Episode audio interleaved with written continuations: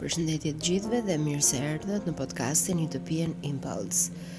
Ja ku rikthehem përsëri për të vijuar me leximin e romanit Bija e Fatit. Përpara se të filloj të doja t'ju përshëndesja të gjithëve ju miqtë e mi që më dëgjoni dhe më ndiqni dhe ju falenderoj pafund për prezencën tuaj në podcastin Utopian Impulse. Edhe shpresoj që të merrni sadopak kënaqësi nga ky podcast. Të vijojmë me librin Bija e Fatit. Dy vjet mbas nisjes së Jacob Todit, Eliza Somersi u shndërrua kryekëput. Ajo çupë kockë e lëkurë në fëmijëri, Erdhi e u bë një vajzë me trajta të buta dhe me një fytyrë delikate. Nën mbikëqyrjen e Miss Rozës, i kaloi vitet e vështira të pubertetit, duke mbajtur në drejtpeshim një libër në majë të kokës edhe duke studiuar piano, ndërsa në të njëjtën kohë, në kopshtin e Mama Fresias, përkujdesej për barërat e vendit edhe mësonte të përgatiste me to recetat e lashta. për të mjekuar sëmundje të njohura apo të panjohura.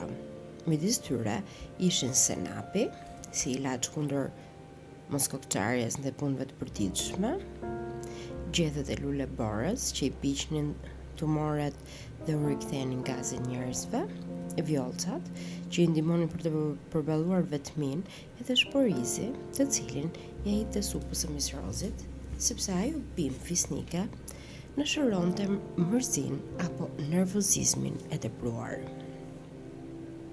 Miss Rozi nuk ia doli të largonte interesin që tregonte e mbrojtura e saj ndaj guzhinës dhe e mblodhi mendjen që vajza të kalonte orë të tëra midis kusive të nxira të Mama Fresias. Ajo mendonte se të dije të gatuaje ishte vetëm një element më shumë në edukimin e një vajze. Tjetër ishte ta bëjë të ishte zonja që t'u jepte urdhra shërbyesve, siç bënte ajo, edhe krejt tjetër ishte të ndyheshe me ftere e kusi. Një damë nuk duhet të mbante erë hudhra e qep, Por Eliza pëlqente më shumë praktikën se teorinë, edhe u kërkonte të njohurve të saj t'i jepnin receta gatimi, të cilat më parë i kopjonte në një fletore. Pastaj, shkonte duke përmirësuar përgatitjen e tyre. Mund të kalonte ditë të tëra duke bluar erëza dhe arra për tortat apo grurë për pastiçot kreole, të shpuplonte turtullesha apo të qëronte fruta për t'i bërë konserva. Kur u bë 14 vjeçe, ia kishte kaluar Miss Rozit në përgatitjen e pastave dhe kishte mësuar një larmi të tërë ëmbëlsirash nga Mama Frezia. 15 vjeç, përgjigjej për banketet e pritjeve të të mërkurave Dhe kur hajet kiliane nuk e cytnin më, iu kthye kuzhinës franceze me ndihmën e Madame Colbertit, si dhe erëzave ekzotike që vinin nga India, të cilat i sillte zakonisht i ungji Xhoni dhe që ajo, meqë s'ua dinte emrat, i dallonte nga era. Karrocieri u linte ndonjë mesazh miqve të Somersve, bashkë me zarfin do të kishte edhe ndonjë gjë të shijshme, sapo të përgatitur nga duart e Elizës, që e kishte ngritur në art zakonin e vendit për t'i dërguar njëri-tjetrit dhurata e gjellë të shijshme edhe ëmbëlsira.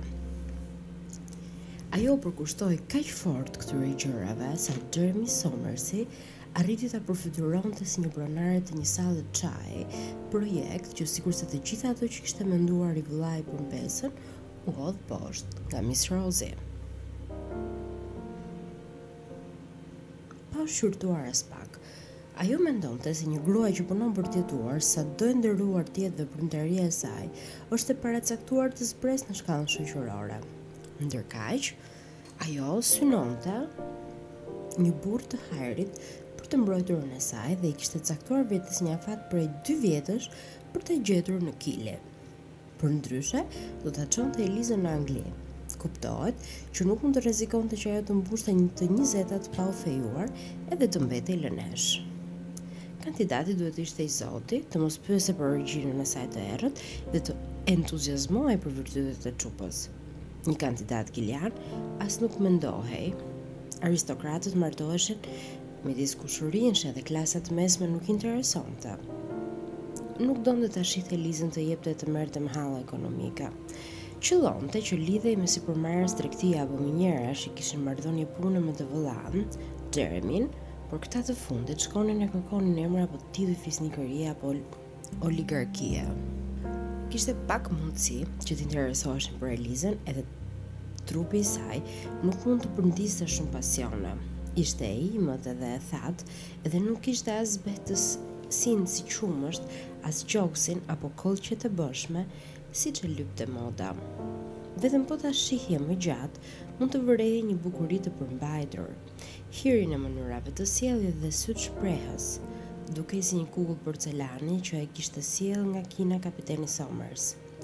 Mis Rozi kërkonte një mëtues që të ishte në gjendje të vlerësonte urtinë e qartë e të mbrojturës së saj, sikurse dhe vendosmërinë dhe aftësinë që kishte për të sjellë punët në dobi të saj, që mama Fresia e quante fat, por që asaj i pëlqente më shumë ta quante mençuri. Një burrë i kapur ekonomikisht me karakter të mirë që t'i jepte siguri edhe respekt, por të cilin Eliza mund ta manovronte lehtë. Kur t'i vinte koha, mendonte t'i mësonte lëndën e rafinuar të përkujdesjeve të përditshme, që e shtyn burrin të mësohet me jetën shtëpiake, sistemin e ledhatimeve të guximshme si shpërblim edhe të heshtjes tinzare si ndëshkim. Të fshehtat për t'ia shuar vullnetin që ajo vetë nuk kishte pasur mundësi t'i vinte në jetë, si dhe artin mijëvjeçar të dashurisë trupore. Për këtë të fundit, nuk do të kishte kurrë guxim të fliste hapas me Elizën, por mund të mbështetej në një tufë librash të ndryra me çelës në raftin e saj, të cilët do t'ia jepte për t'i lexuar kur të vinte çasti i duhur. Me shkrim mund të thuhet gjithçka. Kjo ishte teoria e saj, edhe në fushën e teorisë s'e kishte shokun. Mis Rozi mund të ngjitej në katedër dhe të jepte mësim për të gjitha format e mundshme edhe të pamundshme për të bërë dashuri. Duhet ta birësosh Elizën zyrtarisht që të mbajë mbiemrin tonë. I kërkoi ajo vëllait, Xheremit. Ka vite që e përdor. Ç'kërkon më shumë Rozë? Të martohet me kokën lart. Të martohet me kë? Mis Rozi nuk ia tregoi në atë rast, por ia kishte vënë syrin dikujt.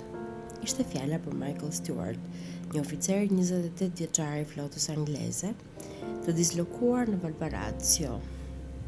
Nëpërmjet vëllait të saj Johnit kishte mësuar se oficeri rridhte nga një familje e lashtë, e cila me siguri Nuk kishte për të parë me sy të mirë që djali i madh dhe i vetmi trashëgimtar i saj të martohej me një të panjohur pa katandi që vinte nga një vend që s'ia kishin dëgjuar kurrë emrin. Ishte e domosdoshme që Eliza të kishte një prikë joshëse dhe që Xheremia ta birësonte. Kështu, të paktën problemi prej ardhjes së saj nuk do të bëhej pengesë. Michael Stewart kishte një trup atleti, sy të kaltër e të padjallëzuar, mustaqe dhe favorite të verdha, dhëmb të shëndoshë edhe një hundë të fisme. Ia cenonte pak hirin, mjekra e dalë dhe Mis Rozi shpresonte të afrohej aq me të, saqë t'i sugjeronte ta fshihte atë të metë, duke lënë mjekër. Sipas kapitenit Somers, djaloshi ishte shumë i ndershëm edhe karakteristika e panjollë e shërbimit i garantonte një karrierë të shkëlqyer në marinë. Në sytë e Mis Rozit, fakti që kalonte shumë kohë në det ishte një përparësi e madhe për atë që do të martohej një ditë me të. Sa më shumë e mendonte, aq më shumë bindej se kishte zbuluar njeriun ideal. Por Eliza, me atë karakter që kishte, nuk do ta pranonte kurrsesi të fejohej me të vetëm e vetëm për leverdi. Duhet ta dashuronte. Shpresa kishte, djaloshi dukej fort i pashëm, i veshur me uniformë dhe askush s'e kishte parë të veshur ndryshe. Stjuarti s'është gjë tjetër veçse një torollak që di të sillet si duhet. Eliza do të pëlcasë nga mërzia po të martohet me të, ia preu kapiten Somersi kur ajo i tregoi ç'plane kishte. S'ka burrë që të mos jetë i mërzitshëm, Xhon. Asnjë grua me një thërrime tru në kokë Nuk mendon se ka për t'u zbavitur duke u martuar, mendon vetëm se dikush ka për t'i siguruar jetën. Eliza dukej ende një çupulinë, por edukimi i saj ishte i përfunduar dhe së shpejti do të mbërrinte moshën për t'u martuar. Mbetej edhe pak kohë deri atë ditë, mendoi Miss Rozi, por duhej vepruar me vendosmëri, që të mos i lejohej një tjetre më të shkathët që ta merrte kandidatin. Me të marrë vendim ajo u përqendrua në synim që ta tërhiqte oficerin duke shfrytëzuar çdo lloj preteksti që mund të mendonte. Organizoi mbrëmje muzikore, që të përkonin me ditët kur zbarkonte Michael Stewart, duke i lënë pas dore mysafirët e tjerë që për vite të tëra ia kishin kushtuar të mërkurën kësaj veprimtarie të shenjtë. Disa prej tyre, të mërzitur dhe të bezdisur, nuk morën më pjesë. Pikërisht ishte ky qëllimi që donte të arrinte ajo, në mënyrë që ato mbrëmjet e qeta muzikore t'i shndërronte në pritje gazmore edhe ta ndryshonte edhe listën e të ftuarve. Duke përfshirë në të të rinj beqarë dhe zonjusha në moshë për t'u martuar. Nga kolonia e të huajve, në vend të ebëllingëve apo ebëllgrinjve të mërzitshëm që gjithmonë e më shumë kishin nisur të dukeshin si fosile, Recitalet e poezisë dhe të këngës ua lanë vendin lojërave të shoqërisë, vallëzimeve jotradicionale, të garave të mprehtësisë dhe lojërave të fjalëve. Organizonte edhe dreka në formë pikniku dhe shëtitje në ranisht. Shkonin me karroca. Para tyre niseshin që pa gdhirë karro të mëdha me shtrojë lëkure dhe mbulesa prej kashte, që bartnin shërbyesit e ngarkuar për të venduar kaçilet e shumta të ushqimeve nën tenta, për t'i mbrojtur ato nga dielli. Përpara tyre, ndesheshin luginat pjellore ku aty-këtu lartësoheshin pemë frutore, vreshta, ara me grurë edhe me misër, brigje të rrëpira, ku Oqeani Paqësor shkërmoqej në re shkume, dhe më larg profili i maleve i mbuluar me borë. Në një farë mënyre Miss Rozi ia dilte gjithmonë që Eliza dhe Stuarti të udhëtonin në të njëjtën karrocë, të uleshin pranë njëri-tjetrit dhe të luanin bashkë me top dhe lojëra pantonime, por kur ishte puna për të luajtur me letra apo me domino, përpiqej t'i ndante, sepse Eliza nuk pranonte kurrësesi që t'i linte të tjerët ta mundnin. Duhet të sillesh në mënyrë që burri ta ndjejë veten gjithnjë më lart, bija ime. I shpjegoi gjithë durim Miss Rozi. Është shumë e vështirë, ia ktheu Eliza prerazi. Jeremy Somersi nuk mundi t'i vinte fre ortekut të shpenzimeve të së motrës. Miss Rozi blinte stofra me shumicë dhe kishte caktuar dy prej shërbyesve të qepnin gjithë ditën fustane të reja edhe modelet e kopjuara nga revistat. futej në borxh tej çdo kufiri të arsyeshëm me detarët kontrabandistë, në mënyrë që të mos i mungonin parfumet, i kuqi i buzëve nga Turqia, beladoni dhe kajali për të theksuar fshehtësinë e syve, edhe kremi prej perlash të gjalla për të qartësuar lëkurën. Për herë të parë në jetën e saj, nuk kishte kohë të shkruante, aq e zënë ishte që të rrethonte me kujdesje e pekule oficerin anglez. Përkujdesje që parashikonin edhe përgatitjen e biskotave edhe të konservave që duhet t'i merrnin me vete në lundrim që të gjitha të përgatitura në shtëpi dhe që i fusnin nëpër shishe e kavanozë të zbukuruar. Eliza e ka përgatitur këtë për ju, por i vjen zor t'jua japë me dorën e saj, i thoshte, Pa i shpjeguar se Eliza gatuante dhe përgatiste ç't'i kërkohej edhe nuk pyeste për kë ishte, prandaj edhe çuditej kur ai e falënderonte. Michael Stewart nuk mbeti i pandjeshëm ndaj kësaj fushate ngashënjimi. I matur në fjalë, ai e tregonte mirënjohjen e tij me letra të shkruara, të shkurtra dhe formale mbi fletë me stemën e Marinës, dhe kur ishte në tokë, përgjithësisht paraqitej me tufa lulesh. Kishte mësuar të folmën e luleve, por kjo delikatesë shkonte dëm, sepse as Miss Rosie dhe as të tjerët ndër ato anë, kaq larg Anglisë, nuk kishin dëgjuar të flitej ç'ndryshim kishte trëndafili nga karafili, ngjyra e kordeles për to nuk kishte kurrfarë kuptimi. Rezultuan krejt të kota përpjekjet e Stuartit për të gjetur lule që nga ngjyra, trëndafili i zbehtë, shkonin shkallë shkallë nëpër të gjitha nuancat e të kuqes, derisa të arrinin të kuqen e ndezur si tregues të pasionit të tij që po shkonte duke u shtuar. Me kalimin e kohës, oficeri mundi të mposhte druajtjen dhe heshtjen patetike që e kishte dalluar në fillim dhe kaloi në një gojtari të bezdisshme për atë që e dëgjonte. Shpallte me enfazë opinionet e tij morale, qoftë edhe për gjënë më të parëndësishme, edhe kishte zakon të stërzgjatej në shpjegime të kota në lidhje me rrymat detare, me hartat e lundrimit. Aty ku bënte me të vërtetë përshtypje të mirë, Ishte në sportet burrërore që nxirrnin në pah vetëbesimin e tij edhe muskujt e formuar. Miss Rosie e cyste që të bënte ushtrime akrobacie, i kapur në një degë peme të kopshit dhe duke këmbgulur, ia doli që ai t'i argëtonte duke vallëzuar zapateadon. duke përthyer trupin mbi duar dhe duke u përhedhur në një valle ukrainase që e kishte mësuar nga një kolegu i tij detar. Miss Rozi duartrokiste me një entuziazëm të tepruar për çdo ushtrim të tij, ndërsa Eliza e vërente e heshtur dhe e përmbajtur pa bërë asnjë koment. Kaluan kështu disa javë, gjatë të cilave Michael Stewart maste e peshonte rrjedhimet e gjestit që mendonte të bënte dhe mbante lidhje me letra me të atin për të diskutuar me të projektet e veta. Vonesat e pashmangshme të postës e zgjatën pasigurinë disa muaj. Ishte fjala për vendimin më të rëndësishëm të jetës së tij, edhe ta merrte atë vendim duhej të tregonte guxim të madh se ai që duhej për të bërë ballë armiqve të mundshëm të Perandorisë Britanike në Paqësor. Më në fund, gjatë njërës prej mbrëmjeve muzikore, pasi kishte provuar me dhjetëra herë para pasqyrës, e gjeti guximin që po i shkërmoqej dhe e burrëroi zërin që po ia zbuste droja dhe e ndali Miss Rozin në koridor. Kam nevojë të bisedoj me ju vetëm për vetëm, i përshpëriti. Ajo e çoi në dhomën e punëdores së grarisë, e parandiente se ç'do t'i thoshte dhe vetë ajo u çudit që u emocionua. Ndjeu t'i skuqeshin faqet dhe t'i rrihte fort zemra.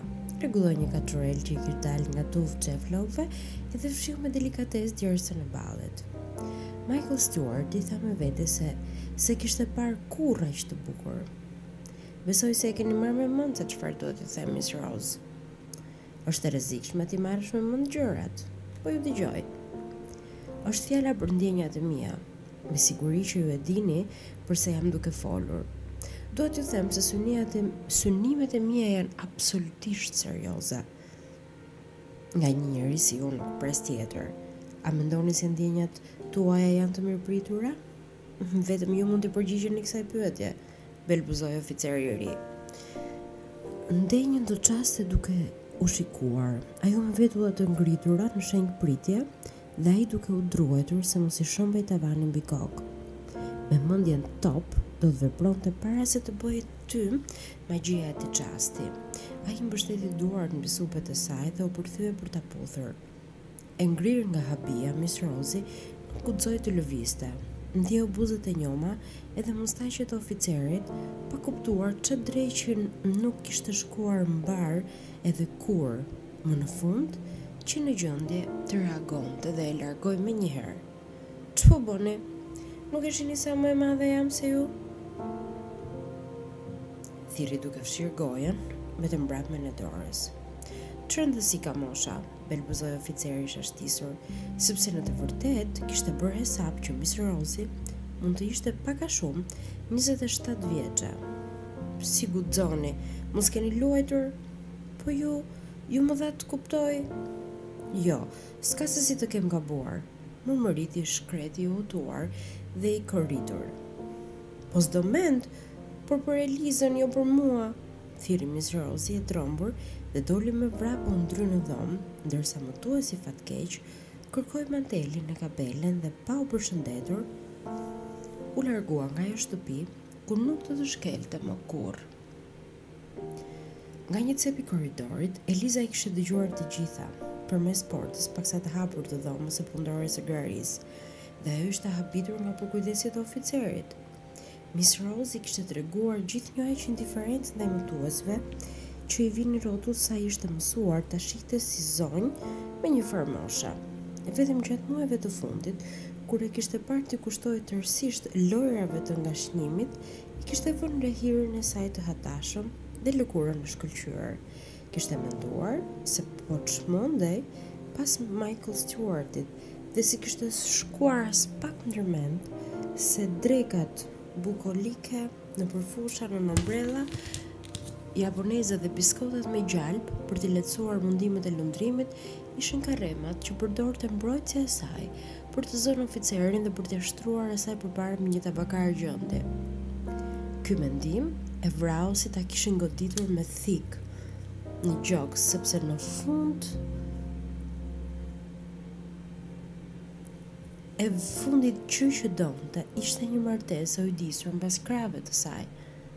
Kishte pak kohë që ishte robinjë e shtjellës së dashurisë së parë dhe ishte betuar e bindur në kulm se nuk do të martohej me asnjë tjetër.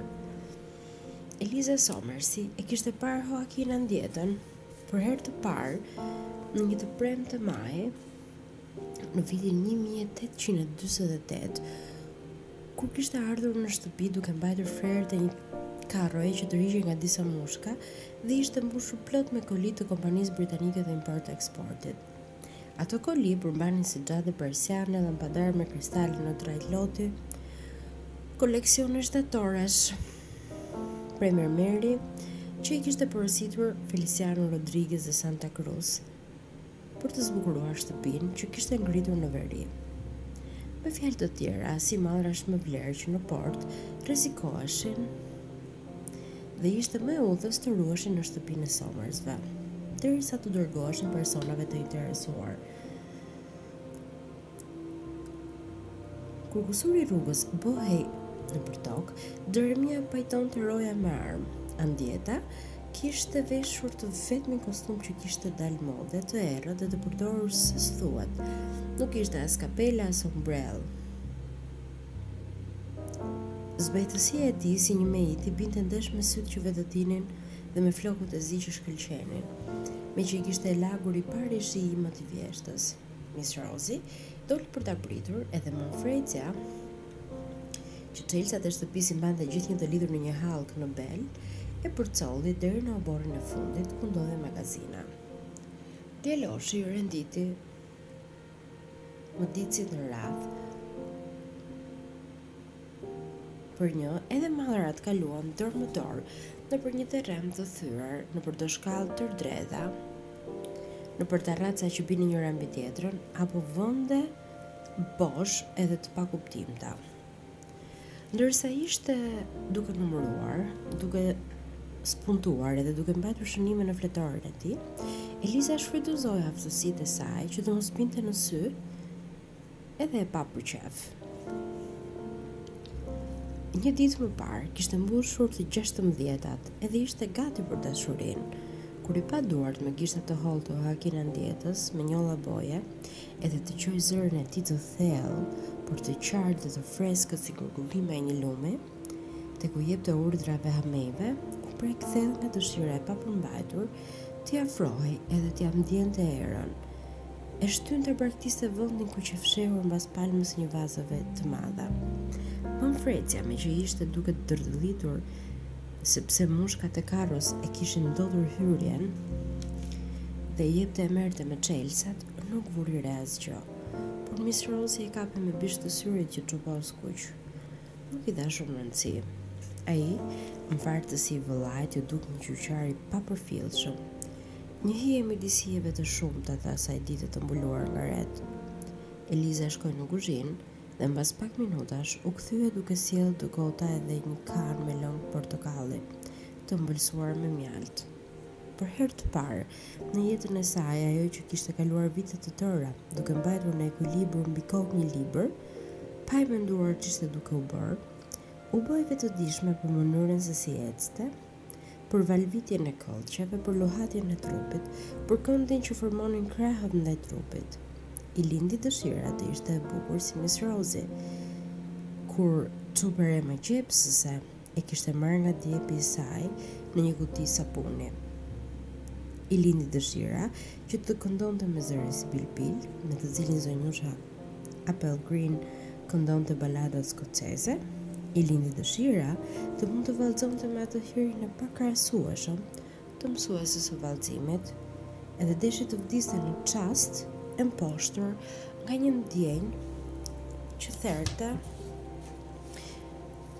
E shponte si thikë, që ia mbushte gojën me gjak të valë edhe që para se të thuhej me fjalë, po e ndrythte me peshën e tmerrshme të dashurisë së idealizuar. Shumë vjet më vonë, përpara kokës së njeriut që kishte ruajtur brenda një shisheje xhini, Elizës do t'i kujtohej takimi i parë me Andietën, edhe do të provonte po atë ankth të padurueshëm. Gjatë jetës së saj, do të pyeste veten me qindra herë nëse kishte pasur mundësi t'i vidhej atij pasioni ndrydhës që ishte paracaktuar t'ia ndryshonte jetën. Nëse në ato çaste jetëpak mbase kishte qenë e mundur t'i kthente krahët dhe të shpëtonte, por sa herë e kishte bërë këtë pyetje, mbërrinte në përfundimin se fati i saj qe shkruar qysh në fillim të jetës. Edhe kur i urti Tao Çi-en i kishte folur për mundësinë poetike të ritrupëzimit, ajo u bind se në secilën prej jetëve të saj do të përsëritej e njëjta dramë.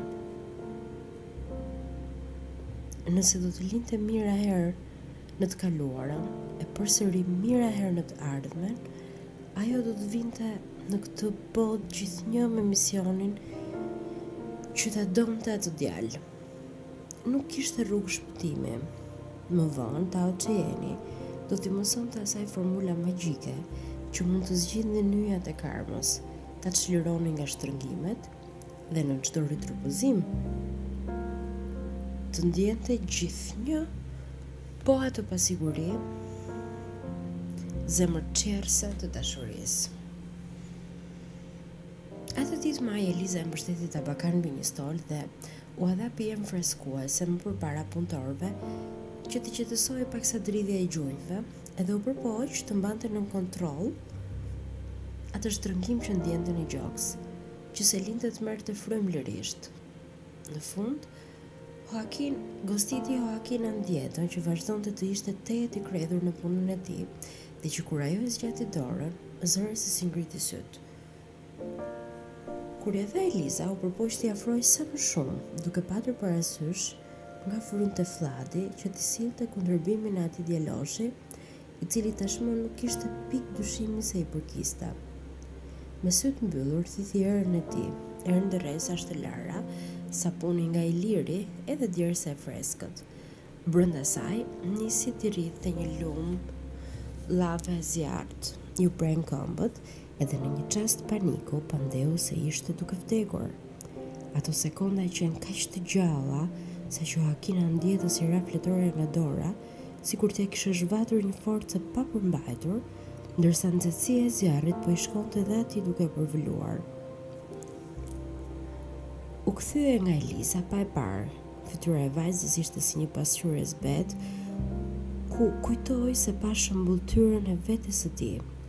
Krijoi një përshtypje të vagëllimtë të përmasave të trupit të saj dhe të brerores së errët të flokëve të çupës.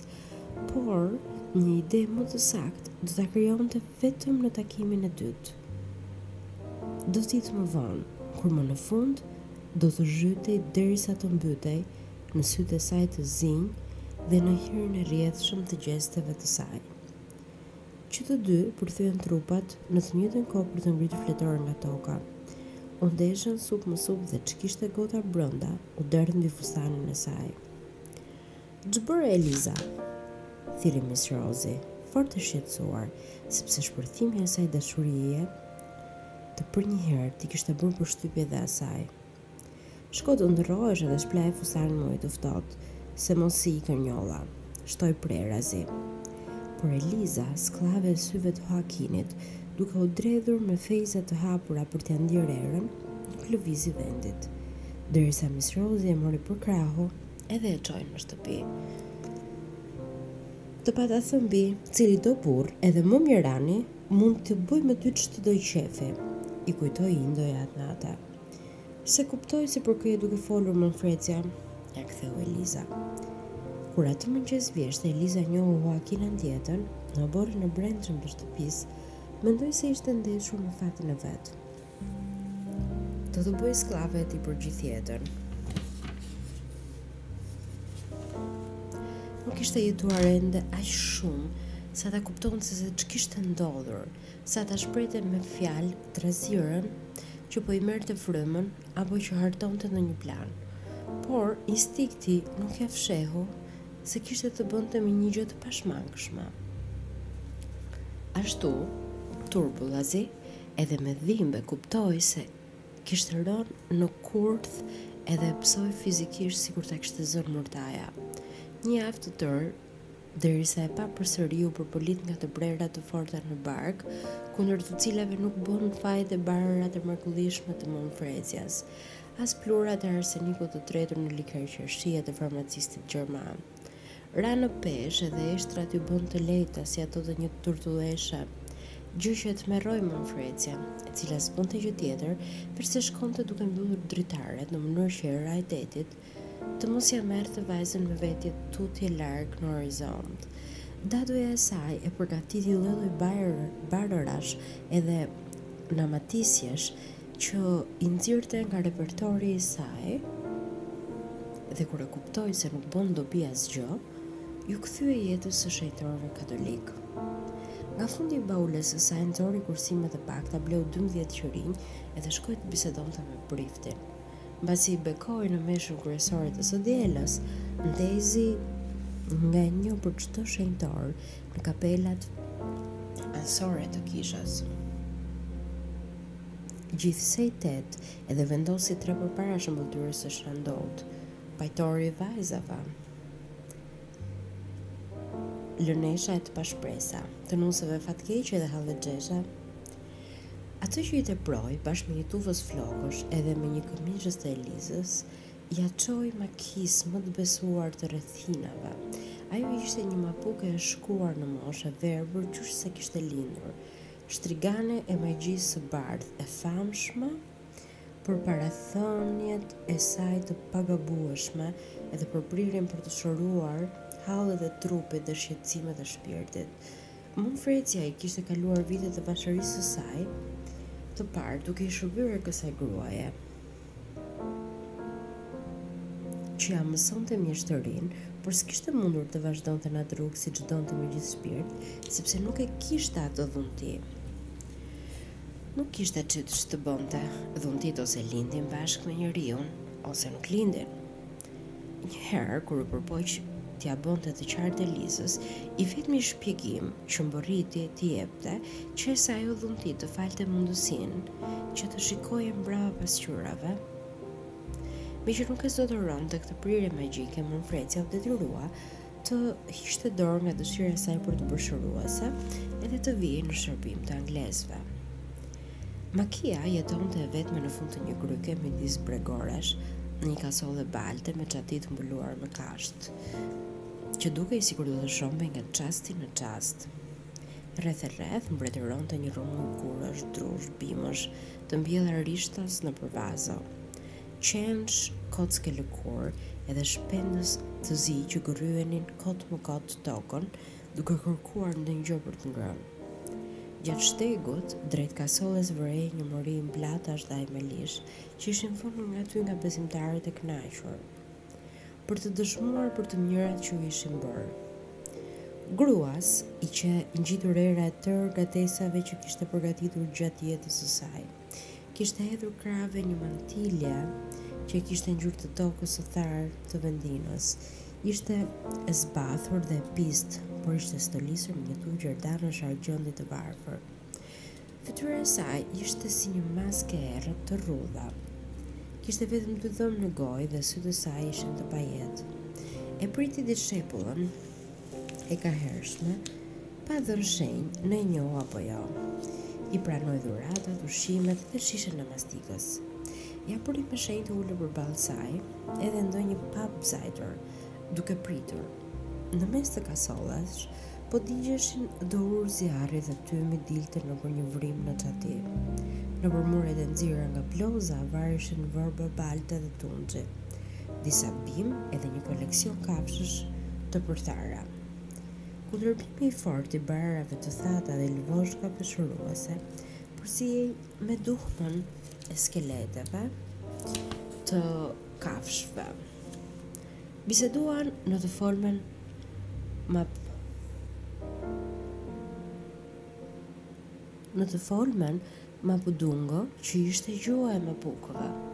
Magjistrica e dëgjoi gjatë historinë e Elizës Qysh nga dita që e kishin braktisur brenda kutisë së sapunit të Marsejës deri te kriza e kohëve të fundit.